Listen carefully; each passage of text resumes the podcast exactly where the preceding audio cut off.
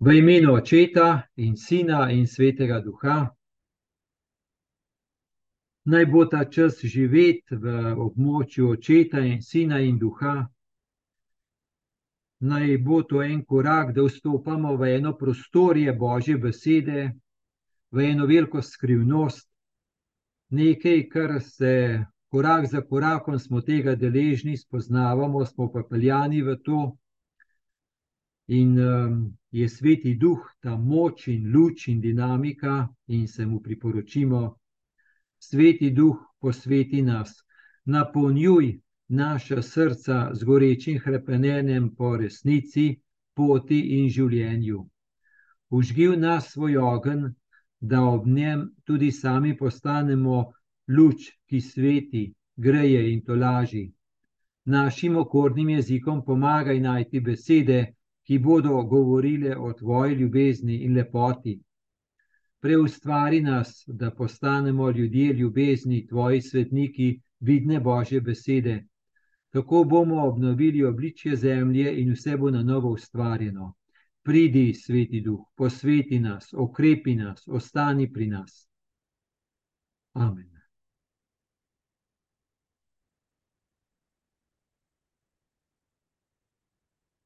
Odlomek,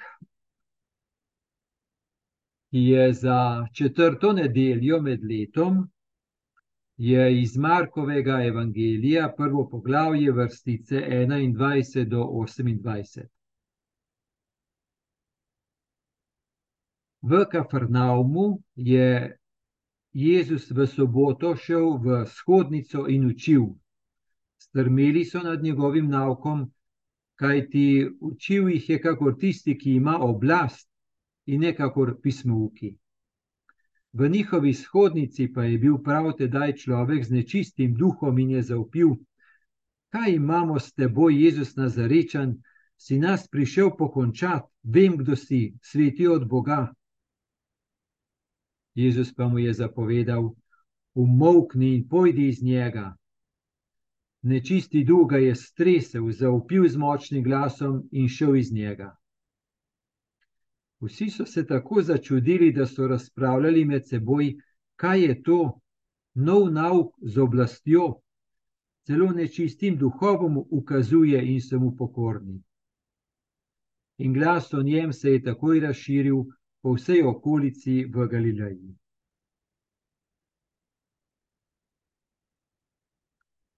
Prejšnjo nedeljo smo imeli odlomek, ko je Jezus poklical prve štiri učence in jih je poklical na obali Galilejskega jezera. No, in takoj za tistim odlomkom pa je današnji odlomek. Kafarnaum je tudi na obali, torej nekje blizu je poklical učence in potem so skupaj prišli v Kafarnaum.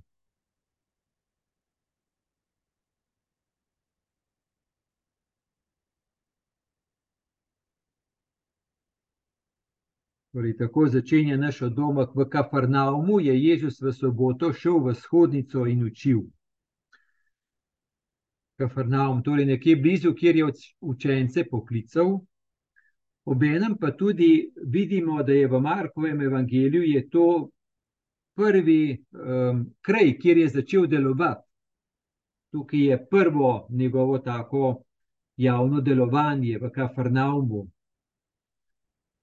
je zanimivo v tem smislu, ni začel nekje na, na obrobju, ni šel nekam čist nekam na podeželje, ni šel nekam med najbolj uboge, ampak nekako tudi ni šel v Jeruzalem, ampak nekako tam blizu, kjer, kjer je poznal, tudi kjer je sam živel, kjer je imel prve učence, tam blizu je začel delovati. Torej, ne nekje najbolj v obrobju, pa najbolj revnem, niti ne nekje v Jeruzalemu, kjer je bilo upravno reversko središče, ampak tako, v Kaprnaumu bi rekli nekje vmes. V soboto šel v shodnico in učil. Torej, jud je, on tudi kot jud, je šel v soboto v shodnico. Torej, Jezus je bil jud in v tem smislu je tudi živel po judovsko. In je šel v soboto v shodnico, torej sobota je bila za njih sveti dan, ko so se zbirali v shodnici. Podobno kot se mi na sveti dan, kristijani ob nedeljah zbiramo v cerkvah.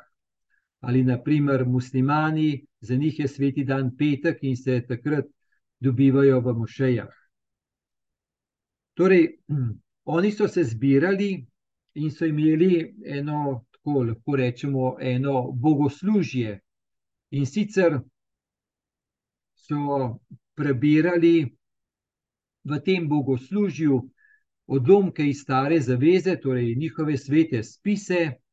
Um, to, kar je bilo najbolj v središču, oziroma kar so prebirali, je iz prvih petih Mojzesovih knjig, potem pa iz prerokov in psalme so tudi uporabljali. To se pravi, najprej so prebrali, potem je bil kot en ta komentar, ali pa kot bi rekli po naše, pridiga, potem so bile pa molitve, zahvale, prošnje, pa včasih povezane s psalmi.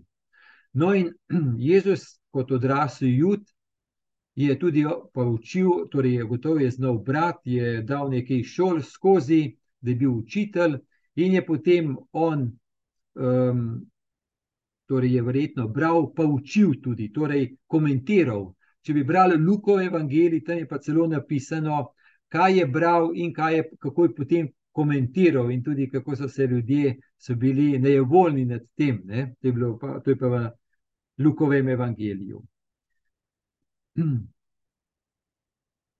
No, in torej v Kafarnaumu je Jezus v soboto šel v shodnico in učil. Strmeli so nad njegovim naukom, kaj ti učil jih je, kakor tisti, ki ima oblast, in ne kakor pismouki.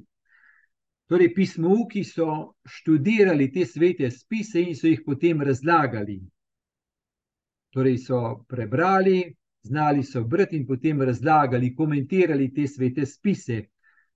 In uh, lahko verjamemo, da so pismouki z eno zauzetostjo um, to delali, ampak vendarle pravi, da so pa ljudje, ko je Jezus spregovoril, pa so strmeli in pravi, učil jih je, kakor tisti, ki ima oblast. Oblast pomeni eno notranjo moč, tukaj bo oblast nad hudim duhom. In torej Jezus pride osvoboditi človeka, hudih duhov, demonov, ki človeka držijo ukočenega, v sužnosti, v nesvobodi, v strahu. Torej, pismovki so vse stvari naštudirali, ampak vendarle božja moč je pa še nekaj drugega. Šele sedaj, ko Jezus pride, ko Božji sin pride, ko odrešenik pride, um, šele zdaj se bo dogodila ena taka polna osvobojenost človeka, odrešenost. Torej, ta ljubezen, ki bo šla do konca, ki bo osvobodila človeka. No, mi si lahko predstavljamo, kaj pomeni poučevanje pismovkov, to gotovo, ko to berem, meni pride hitro podoba nas, duhovnikov, ko nekaj pridigamo. Malo smo naučeni, malo iz knjig, dobro, hvala Bogu, nekaj tudi lastne izkušnje. Ampak to je, ne? to je, um, to, to, to, to vi, ki poslušate, čutite, prav gotovo. In uh, to je to. In res, eno je nekaj naučeno, drugo je drugo je pa to, kar imenujemo božja moč, sveti duh in tako je, tako je. In to ni stvar zdaj ene, samo ene retorike, samo enih ne vem kaj, ampak to je res stvar svetega duha in božje moči.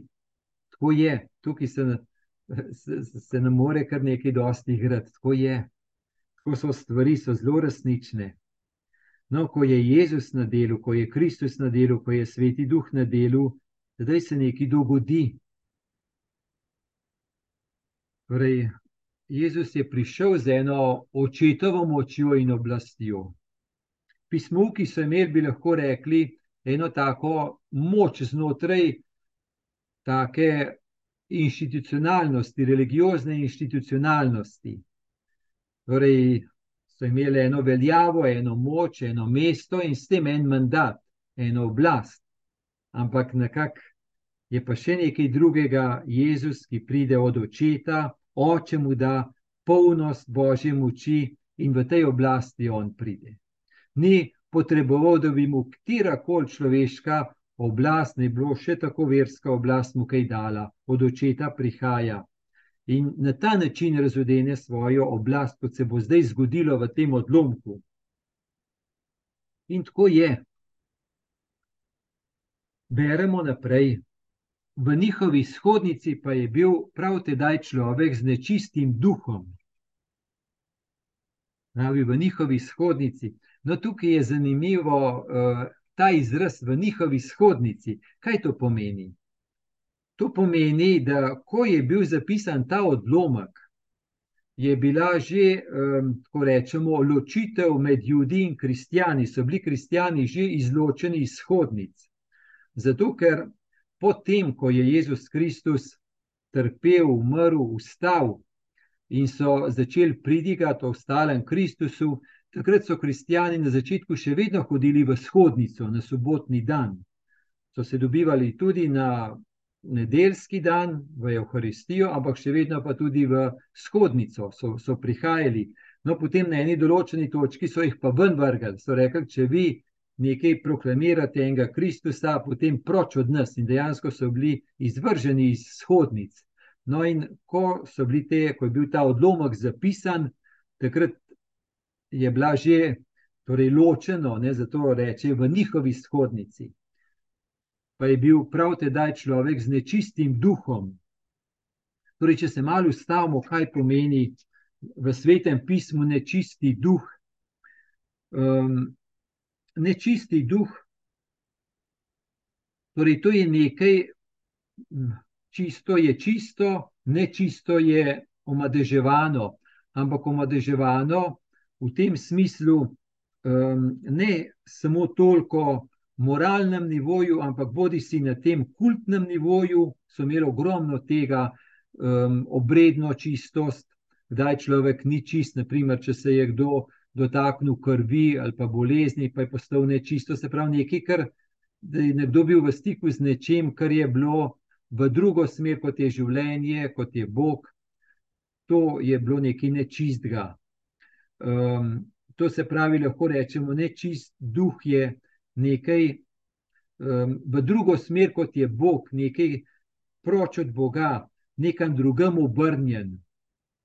Torej, nečisti duh pomeni ujetost v ene sile, demonske, ki so proti Bogu in proti človeku, proti človeku, ki je božja stvaritev. Zdaj, če mi beremo, naprimer, je, se gotovo spomnite, Janozovo 13. poglavje, tisto, ko Jezus umiva noge, pravi Peter, ne boš mi umival nog, nikoli ne. Jezus mu je odgovoril: če te, nimam, če te ne umijem, nimaš deleža z menoj. Simon Peter mu je rekel: Gospod, potem pa ne samo nog, ampak tudi roke in glave. Jezus mu je dejal: Kdor se je skopal, mu ni treba drugega, kakor da se umije noge, vse je namreč čist. Tudi vi ste čisti, vendar ne vsi. Vedel je namreč, kdo ga bo izdal, zato je rekel: niso, Niste vsi čisti pomeni, to se pravi, Peter v tem smislu je bil čist, ker se je pustil umiti božji ljubezni Jezusu. Ni bil pa čist Juda, pa ne toliko zdaj samo zaradi enega moralnega nivoja, ker je Jezusa izdal, ampak bolj globinskega je bil nečist v tem smislu, ker ni sprejel, da bi ga Jezus očistil. To se pravi, je bil v eni omadeževanosti, zaprtosti pred odrešenikom tem smislu ne čist, bi rekel, lahko padli človek, ki je v oblasti enih demonov, neodrešeni človek. To se pravi, ko ta človek z nečistim duhom, v tem smislu lahko rečemo, kot človek, ki je tako močno um, ujet v ene demonske sile, ki so proti človeku, ki ne pustijo, da bi človek zaživel, polno zaživel, odrešeno zaživel, eh, da je toliko ujet v eno zlo. No, in Jezus prihaja zato, da bi osvobodil človeka. To je prvi tak dogodek v Markovem evangeliju in kaže, zakaj je Jezus prišel. Močno to pokaže. V čem je njegovo poslanstvo in zakaj je pravzaprav prišel. Oziroma tudi pokaže, dokam se je že stara zaveza in zakaj je Kristus odrešenik potreben. No, pravi, v njihovi shodnici je bil prav tedaj človek z nečistim duhom in je zaupil. Zaupil je. Ne? To se pravi, um, ta človek, lahko si predstavljamo, da je lahko, da je, torej ni nujno, da je to en moralen pokvarjenec pil. Ni nujno. Ni nujno. To so globlje stvari. Bomo potem probali kakšen primer, da to so globlje stvari. Torej, ta človek je lahko bil prej v shodnici vsako soboto in so mu govorili, pa pridigali o starozaveznih svetih spisih, ampak je bil kar miren, ni bil izvan, ni bil sprovociran. In je prav zdaj, šele ko je Jezus prišel in očitno je nekaj takega, tako močno rekel, v smer, si predstavljamo, nekaj v smer odrešenja, um, da, da, je, da je rekel: Ne, to pa ne, to pa ne, to pa ne, to pa ne. To se pravi, ta nečisti duh, torej ta človek z nečistim duhom, ta nečisti duh je bil toliko v njem prisoten, da ko je Jezus prišel, uh, se je odzval in rekel: To pa ne, to pa ne, to pa ne sprejmem, to pa ne. Odzval se je. Je zaupil, zaupil ta zelo močen glas. Ne? Kaj imam s teboj, Jezus Nazarečen? kaj imam s teboj, eh, to eh, pomeni ta izraz, kaj imam s teboj. Oziroma, to pravi, kaj imamo s teboj, v množini pravi. Um, torej, demoni ne, dejansko skozi njega govorijo, prav, kaj imamo mi s teboj. Torej, ta človek je tako poistoveten, identificiran z demoni. Nekako govorijo demoni, ampak govori tudi ta človek in govori v množini. Torej, kaj imam s teboj, to pomeni um, v tem smislu, um, nič ni med nami, nič, oziroma med nami, demoni in to. In te bo Jezus, nič ni med nami, kaj si zdaj prišel, nič nočemo imeti s teboj, nič nimamo s teboj in nič nočemo imeti s teboj. In pravi celo, torej, kaj imamo s teboj, Jezus, nazarečen, si nas prišel pokončati. Pomeni, da ta človek, povsem ujet v demone, ta človek, identificiran z demoni, kako Jezusa čuti. Čuti Jezusa kot nekoga, ki tega človeka matra, muči, um, da ga hoče pokončati, pomeni. Torej, dejansko bomo videli, da Jezus res želi pokončati demone. Ampak človek je pa najprej identificiran z demoni in je rekel: Kaj me matraš, Jezus? kaj me matraš, kaj me matraš, nekaj me matraš, nekaj me muči. Torej, um, no, še naprej, torej zaupil, kaj imam s teboj, Jezus Nazarečen, si nas prišel pokončati, vem, da si sveti od Boga. Je res zanimivo, ne, da ta demon, ta nečisti duh, je prvi, ki prepozna, da je Jezus od Boga, da je Božji sin, da je Mesija. Poznaj bomo šli v Markovem evangeliju našli, da bo Peter kot prvi od Jezusovih učencev rekel: Ti si Mesija. Ali pa ko bo potem, ko bo Jezus skrižen, ko bo stotnik rekel, da je Jezus Božji sin. To je res, kako lahko demon prepozna, da je nekaj svetega na delu. To je res ena velika skrivnost. No, zdaj se mi malo stavimo ob tem, da bi lahko um, kako se to lahko zgodi, da um, nekdo doživlja Jezusa kot da, je, da Jezus muči, da Jezus smatra, da Jezus muči. No, en primer, ko bi lahko tako, ko nam da kaj uh, o tem, kakšno luč na to je morda v tem, da rečemo, um, če me ena rama boli in uh, tako da je vsa taka.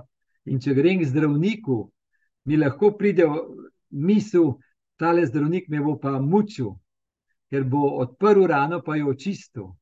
Reko, ne, to pa ne, ne, ti me boš mučil. To se pravi, nekje, kjer me boli in kjer sem v krču, tam tudi tistega, ki mi hoče pomagati, ni kar tako enostavno, da bi ga spustil blizu. Bi rekel, ne, ne, to hoče mi zase obdržati, ne bom pustil, da bi mi nekdo pozdravil rano. Torej, tako, ko je človek v krču, se kar lahko zgodi, da hitro tudi tistega, ki mi hoče pomagati, doživljam zelo ogrožujoče, da me hoče ogrožati.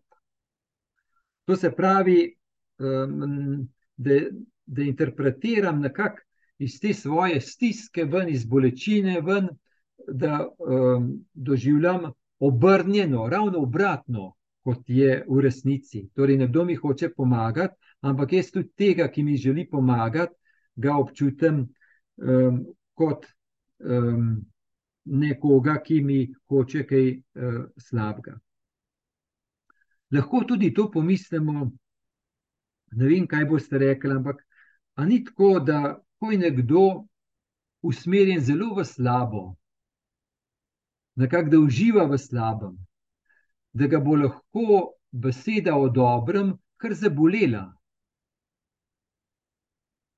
Naprimer, nekdo, ki stalno goljufa, bo zelo miren, če bo slišal, da tudi drugi govorijo o goljufanju. Medtem ko pa, če bo nekdo rekel temu, ki stalno goljufa in uživa v goljufanju, da vendarle je kaj božga na tem svetu, poštenje, ja, bo lahko doživljal to besedo tako kot, kot nekako grožujočo, oziroma kot da ga ta Eh, beseda matra. Izak Sirski pravi, da tisti, ki so v peklu, dela najhujšo bolečino, bolečino prav božja ljubezen. Torej, pustimo zdaj dogmatsko, kdo je v peklu ali ne, ampak tako vsebinsko pogledajmo. Ne pravi, najhujšo bolečino dela njim prav božja ljubezen da huje trpijo ob dejstvu božje ljubezni do njih, kot pa ob dejstvu sovraštva do njih, se strani drugih ljudi. Torej, v peklu so, eh, nekako živijo sovraštvo in to, da doživljajo sovraštvo se strani drugih ljudi, nekako jih niti toliko ne znamerja, to je tako njihova eksistenca. Ampak da trpijo ob dejstvu božje ljubezni do njih, ki se jih pa ne odprejo. Torej, Sej dejansko je morda prav to pekel, ne obit obkrožen z božjo ljubeznijo, ampak ostajati zaprt. No, tudi en drug tak primer, ki nam morda to da razumeti, ker se mi zdi zelo bistveno nekako zaslutiti, kaj pomeni ta skrivnost, da nekdo je lahko nekje tako ujet, da ko Jezus prihaja kot odrešenik, pa nekako ta demon v človeku kar odbije um, Jezusa prav v tem imenu, češ se je ta Jezus pa nekaj hoče matrati. Naprimer, predstavljajmo si, da si dva, da, da jaz gledam ene dva, ki se med seboj pogovarjata, se razumeta, da sta med seboj lepo skladna. Jaz jih gledam, ne? ne. Torej, med njima je nekaj lepega, zelo lepega, razumeta se, lepo sta si med seboj. Tako, jaz jih gledam. Kaj bom jaz doživljal? če bom jaz odprt Bogu, božji dobroti, bom jaz rekel: Wow, kako lepo, ljubezen je prisotna, Bog je prisoten, kako lepo je to. Če pa jaz ne bom v božji ljubezni, ampak bom, ne vem, ogrožen, v manjku, v primankljaju, kaj mi bo pa prišlo poj? Ja, evo, one dva masta to, meni pa tega ni danga. Um, jaz sem pa nisem deležen tega. Pa, in bom lahko dejansko doživljal tisto lepo, lepoto, kot ne kot ko rekel, da bi jo jaz bil deležen, pa se veselil njihove lepote, pa povezanosti, da bi prejemal od tega. Ampak bom doživljal, ah, oni imajo to, jaz pa ne. Torej, je zapora, je zapora ali ne v, tam, v tem primeru. Torej, ne prejmem, ampak jaz tega nisem deležen in se zaprem, prav zaprem, hvečem sem jezen na njiju, zakaj sta ona dva ta masta to, jaz pa ne. No, tako, malo da zaslutimo te stvari, kako se dogajajo. Sej tudi, če mi pomislimo, zdaj pa še bolj konkretno gremo. Poglejte, če mi doživljamo, ali pa človek, da ne bomo zdaj mi, ki smo tukaj, lahko tudi za nas velja, ne vem. Ampak, če človek doživlja Jezusa kot nekoga, ki me muči, kdo je na delu? Kdaj me Jezus muči? Jezus me muči takrat, ko Jezus muči človeka, takrat, ko človek misli, da ja, Jezus gotovo od mene hoče, da bi bil jaz perfekten, pa urejen, pa vse tako, pa vse tako, pa vse tako, ker pa nisem mi pa Jezus to in to in to učita. Torej, doživlja lahko človek Jezusa kot tizga, ki matra, ki nekaj zahteva, ki za, in človek ne more tega dati.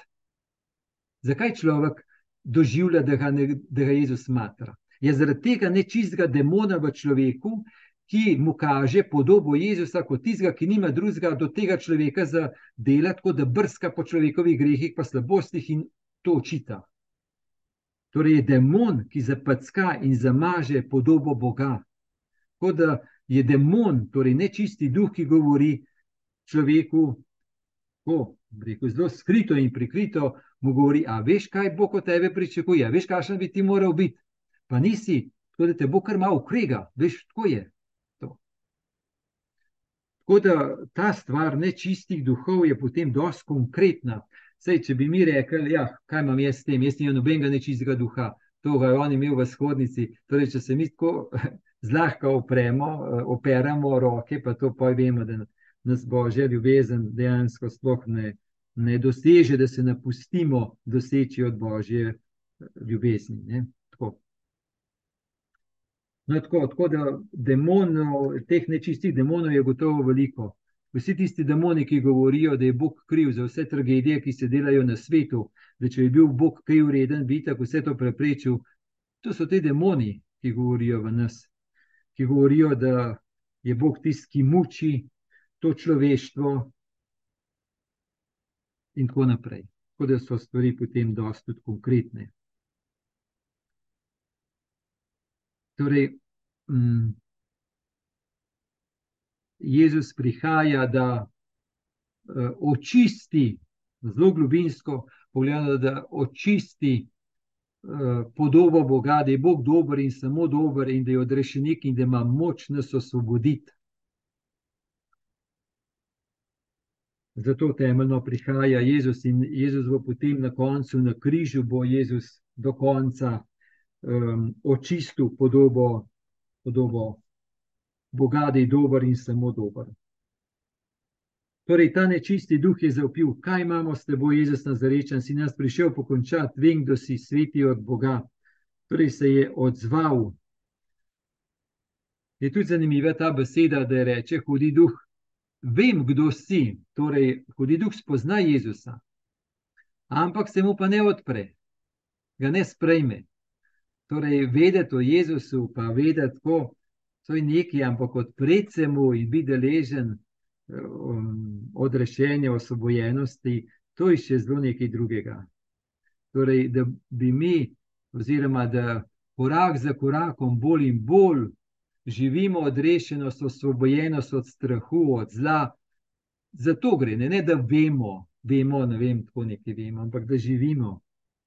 Torej, tudi v tem smislu ni dovolj, da vemo, da je Jezus Kristus Božji sin, da je Mesija, da je odrešenik. Torej, to je tudi hudi duh. Ampak je pot v tem, da odpremo srce in da, da nas njegova beseda tudi rani, tudi prestreli, tudi presveti. Torej, da Božja beseda gre skozi nas in da prebudi kakšne speče demone, kakšno nevero, kakšno nezaupanje, kakšno padlost. Ker v nas so posledice padlosti. Gotovo smo mi krščeni, smo doseženi od Kristusa, ampak to odrešenje, ta breku, krstna milost, da zaživi v nas, to je nekaj progresivnega skozi življenje. Če je le življenje ena pot, torej se to dogaja, progresivno smo očiščevani, odreševani.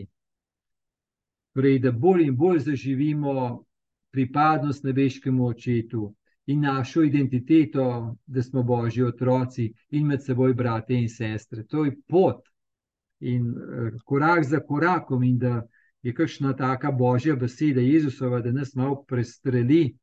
Da, ja, verjetno tudi to, da nam pokaže božja beseda, kakšno um, nečistino Pravno, ker ne gre zdaj samo za moralni nivo, je mnogo bolj v tem zelo temeljnem odprtosti božji ljubezni, sprejemanja božje ljubezni, sprejemanja Kristusa. No, gremo naprej, naš odlomek. Torej, ta človek z nečistim duhom je zaupil in je rekel: Ne, nič, nič nimamo s teboj, kaj matraš, poj proč, matraš me Jezus. Jezus pa mu je zapovedal: Umokni in pojdi iz njega. Torej, vidimo, da Jezus ni zdaj šel z njim v kakšnem v kakšno pogovarjanje, v kakšno analiziranje, ne, da bi zdaj Jezus naredil eno veliko analizo, češ kaj zdaj to, kaj zdaj to na delu, kakšne to, to, nekakšnih posebnih analiz delal, tudi nekakšnih takih eh, kompromisov, um, ampak je kar močno, močno rekel, umokni in pojdi iz njega. To je rekel človeku, identificiranemu, Ampak božja ljubezen, Jezus Kristus ima eno to sposobnost, da zna ločiti grešnika od greha. To, zato gre. Ker Jezus Kristus je prišel ne pokončati človeka, ampak tega nečistega duha. Gotovo, dokler je nečisti duh identificiran s človekom, človek identificiran s tem, je prav božja ljubezen potrebna, ki zna to ločiti. Kaj je grešnik in kaj je greh, da zna to ločiti. Zunani pogled vidi, da je to ena in ista stvar, ker je tako identificirano. Ne? Jezus pa zna prebuditi v grešniku človeka, ki ne zaupa, zahrepeni in ga okrepi, in na ta način bo drugo moralo odpasti. To je res moč božje ljubezni, da to božje ljubezen to zna narediti, da Jezus to zna narediti. Torej, da ni zdaj tako, kot bi v stari zavezi, da je kar grešnika proč odpravil, zato da bi bilo zelo z grešnikom ured proč dano, ampak Jezus zna greh uh, uh, zaustaviti, grešnika pa s tem osvoboditi. Torej, umokni in pojdi iz njega. Jezus je zelo jasen. Torej, neč se ne začne pogovarjati z njim, neč iskati kakšnega kompromisa, ampak se kar sooči s, svetim, s, uh, s tem z nečistim duhom. In zato je Jezus prišel. Smo rekli, to je prvo, prvi, um, prvo javno delovanje Jezusovo tukaj. Torej, da zelo ni dokončno stanje, ampak da Jezus je prišel človeka in s tem zgodovino očistiti in osvoboditi. Tudi shodnico, tudi shodnico je prišel očistiti in osvoboditi v tem simbolnem smislu. Torej, v shodnici, ne, kljub temu, da je shodnica prostor za slavljenje Boga, za verovan, ampak je bil ten človek z nečistim duhom, pomeni, ki, ki je bil zaprt pred božjo ljubeznijo. In ko božja ljubezen pride, se je zaprl. Je zanimivo, če beremo, naprimer, Janezove evangelije, tudi zelo na začetku, mislim, da je že drugo poglavje, seveda, drugo poglavje za odlomkom v Kani, tisto vina, voda, vino in to, je šel Jezus v Jeruzalemski tempelj in ga je očistil. Takoj pride, ne? in zdaj gre takoj v shodnico in jo očisti. Torej, tam, kjer ne bi bil sveti kraj, tam je bilo še vedno nekaj neodrešenega. In z nami je tako, torej, mi smo krščeni, gotovo, ampak znova in znova je pa v nas kaj neodrešenega. Zato, da mi bolj in bolj celostno zaživimo zaupanje nebeškemu očetu, očetovo dobroto, pripadnost, božje otroštvo in našo medsebojno povezanost. Sej vsi to, a ne smo na tej poti in da znova in znova jo začutimo, in da nam tudi Jezus pokaže, ki smo potrebni od rešenja. In zato prihaja znova in znova. In vsaka božja beseda je lahko nekaj tega. Torej, Jezus mu je rekel: Mokni, torej, nehaj to govoriti. Mu je vzel besedo, mu je vzel prostor. In ko demon ne more eh, torej, govoriti, oziroma eh, zauzeti, ne more več zauzemati prostora v tem človeku, je človek osvobojen. Zlo gre ven, demon gre ven, ta nečistost gre ven. Jezus osvobodi, očisti, očisti svojo ljubeznijo In pravi, nečisti duh je stresel, zaupil z močnim glasom in šel iz njega. Vidimo, da je nekaj dramatičnega, da ni to tako, rekel, ne vem, romantično, ulepšeno, premočrtno, ampak da se nekaj dramatičnega zgodi. Torej, zaupije hudi duh, zaupije tudi ta človek, nekaj dramatičnega se zgodi. To se pravi, en umesen korak v osvobojenje je lahko tudi nekako boleč. Hudi duh gotovo noče eh, zapustiti svojega gostitelja. Hudi duh je kot virus, nečisti duh. Demon je kot virus, ki uničuje, sam nič ne more, če nima gostitelja. Ne? In mu ni všeč, da gostitelja zgublja in zaupije. Ne? In človek, identificiran prej, tudi čuti to boleče. Morda se nam čudno zdi, kaj to pomeni, da je to tako čudna bolečina, dramatična. Ampak eh, poglejmo, naprimer, kaj pomeni, če nekdo dolgo časa živi ujet v nezdrave odnose, v kakšno nezdravo odvisnost eh, od kakšne druge osebe, in da takrat, ko se bo ta človek odmaknil, da bi zaživel eno svoje življenje, torej ne več odvisno od tiste osebe, da bi zaživel svoje življenje, kaj bo človek doživljal takrat? A bo že osvobojenost doživljal, a bo že polnost doživljal, a bo že zaživel? Takrat bo je bolj tipično, da bo zazevala v njem ena strašanska praznina, ena votlost, ena bolečina. Nekaj bo šlo proč, ampak polnosti ne bo. In kaj bo to se naredil? Ja, se bo vrnil, ker tudi če, ga, če je prej bil odvisen, ampak vsaj to je imel, ne? vsaj tisto je živel. Tako da ta pot v odrešenost, osvobojenost ni kar tako, je tudi dosta tragična. Gotovo Jezus bo potem Jezusova pot gotovo bo, bo šla skozi eno dramatičnost križa. Torej, nečisti duh je stresel, zaupil z močnim glasom in šel iz njega. Torej, je moral iti proč ta hudi duh, ker Jezus ima to moč in on. Zadnji stavek. Vsi so se tako začudili, da so razpravljali med seboj, kaj je to nov nauk z oblastjo, celo nečistim duhovom ukazuje in so mu pokorni. In glas o njem se je takoj razširil po vsej okolici v Galileji. Torej, s tem je Jezus začel nov nauk z oblastjo. Torej, ni formalno eno nauk, ampak z, z oblastjo, eno moč.